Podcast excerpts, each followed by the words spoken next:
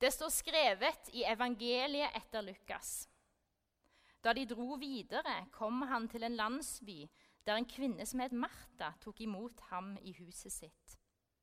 Hun hadde en søster som het Maria, og Maria satte seg ned ved Herrens føtter og lyttet til hans ord. Men Martha var travelt opptatt med alt som skulle stelles i stand. Hun kom bort til dem og sa, 'Herre, bryr du deg ikke om at min søster lar meg gjøre alt arbeid alene?'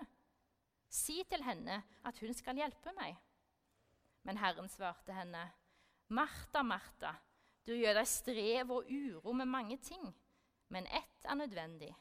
Maria har valgt en gode del.' og den skal ikke tas ifra henne. Slik lyder det hellige evangelium. I dag så er vi med Jesus på vandring. Han går rundt og snakker om Gud og om Guds rike. Han kommer med lignelser, og han svarer på spørsmål fra folk som kommer med dem. Og Mens han er ute og reiser, så kommer han til huset til Martha, der han banker på, og han blir tatt imot. Og denne historien om de to søstrene Martha og Maria den er det kanskje noen som har hørt tidligere. Martha hun har blitt kjent som den som ikke hadde tid til Jesus, mens Maria som den som gjorde det rette valget og satte seg ned og hørte på ham. Så står det ingenting i teksten om at Martha visste at Jesus var på vei. Men på denne tida var det ikke så vanlig å ringe på forhånd og si at nå er jeg der snart. Så da kan vi jo anta at han kom på overraskelsesbesøk. Og det er evangelisten Lukas som har skrevet denne teksten. Og jeg stusset litt på når jeg leste det, om ikke Lukas var vant til at det var noen damer i huset som ordnet opp når det kom gjester. Rydda og lagde mat og sånne ting. For jeg får liksom ikke inntrykk av at Lukas helt forstår hvor stressende det er når det står noen på døra som du ikke har venta. Det syns jeg er litt stressende. Jeg vil gjerne ha i fall en halvtimes varsel, så jeg kan få rydda vekk det verste av oppvask og klesvask og den slags. Og Martha hun vil jo selvfølgelig at det skal være mat på bordet, og at det skal se sånn noenlunde ut. Så hun ordner og styrer med sitt når Jesus har kommet. Og så er det jo Martha da, som er frustrert på Maria, at ikke hun hjelper til. At hun blir stående med alt dette alene. Mens Maria hun blir liksom rost for at hun skjønte hva som var viktig. Og jeg tenker igjen at Maria bodde der jo ikke. Det var jo ikke hennes hus. Så hvis jeg er på besøk hos noen, og de får besøk, så er jo ikke jeg så stressa for hvordan det ser ut. Egentlig syns jeg det er litt greit at andre har det litt rotete, for da er det greit at jeg òg har det. Men OK. Maria hun tok seg tid til å lytte til Jesus. Maria tok seg tid til å lytte til det hellige. Og Hun visste helt hvem Jesus var, det er vi ikke helt sikre på men jeg tror hun ante noe om det. Ryktene hadde nok gått om hvem Jesus var. Og Jeg tror det er det den teksten her handler om. Maria som tok seg tid, ikke om denne konflikten mellom disse to søstrene. Og En snakker gjerne om dette her, til å ta seg tid til å søke Gud.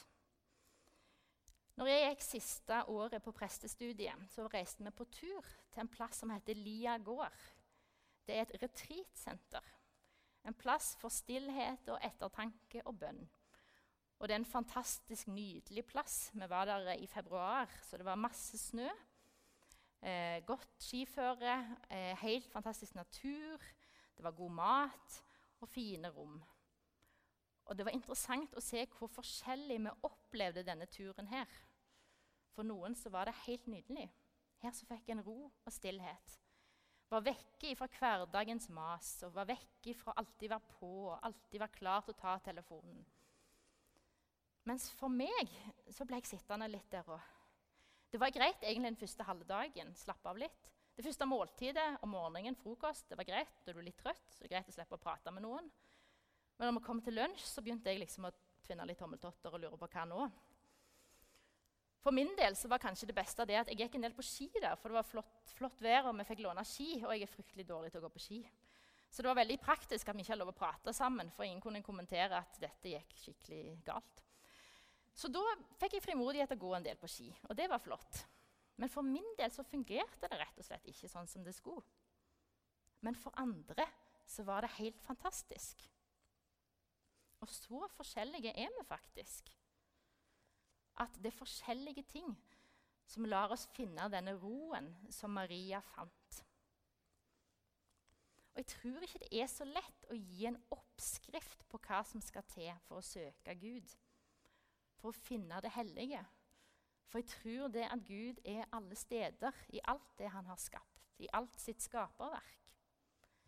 Jeg tror at Gud er der som mennesker møtes, og òg der som vi er alene. Jeg tror at Gud er i stillheten, og jeg tror at Gud er i bråket. I der det er orden, og der det er kaos. Der hvor vi ser hverandre, og der hvor vi møter oss sjøl. Der tror jeg Gud fortsatt er. Der hvor vi leter etter livets dypeste mening. Og der som korset skinner gjennom. Det korset som Jesus hang på, der han bar straffen for menneskers synder. Når Jesus dør, og så står opp igjen og viser at livet og kjærligheten er sterkere enn døden. Og viser at livet har seira for alltid. Vi begynner gudstjenesten med å be synsbekjennelsen. og Noen kan oppleve det litt sånn brutalt å komme rett inn i den. Men det er noe godt med han òg, å erkjenne det, at vi kjenner faktisk på denne lysten til å gjøre det som er vondt. Til å tenke mer på oss sjøl enn på andre. Men Gud har tilgivelse for oss, og Gud har hjelp for oss. For Gud har reparert det som gikk galt. Gjennom det Jesus gjorde på korset, så er det bruddet mellom Gud og mennesket reparert. Og vi blir invitert på ny og på ny til å søke kilden. Til å søke det Jesus har gjort. Kilden til det som ber oss å komme til Han og få nye krefter, ny vilje til å gjøre det som er godt. Teksten i dag tror jeg er en invitasjon til å søke Gud. Teksten i dag er en oppfordring til å spørre oss sjøl hvor ser vi best det hellige. Maria har valgt den gode del. Vil du òg gjøre det? Ære være Faderen og Sønnen og Den hellige ånd, som var, er og blir en sann Gud fra evighet og til evighet. Amen.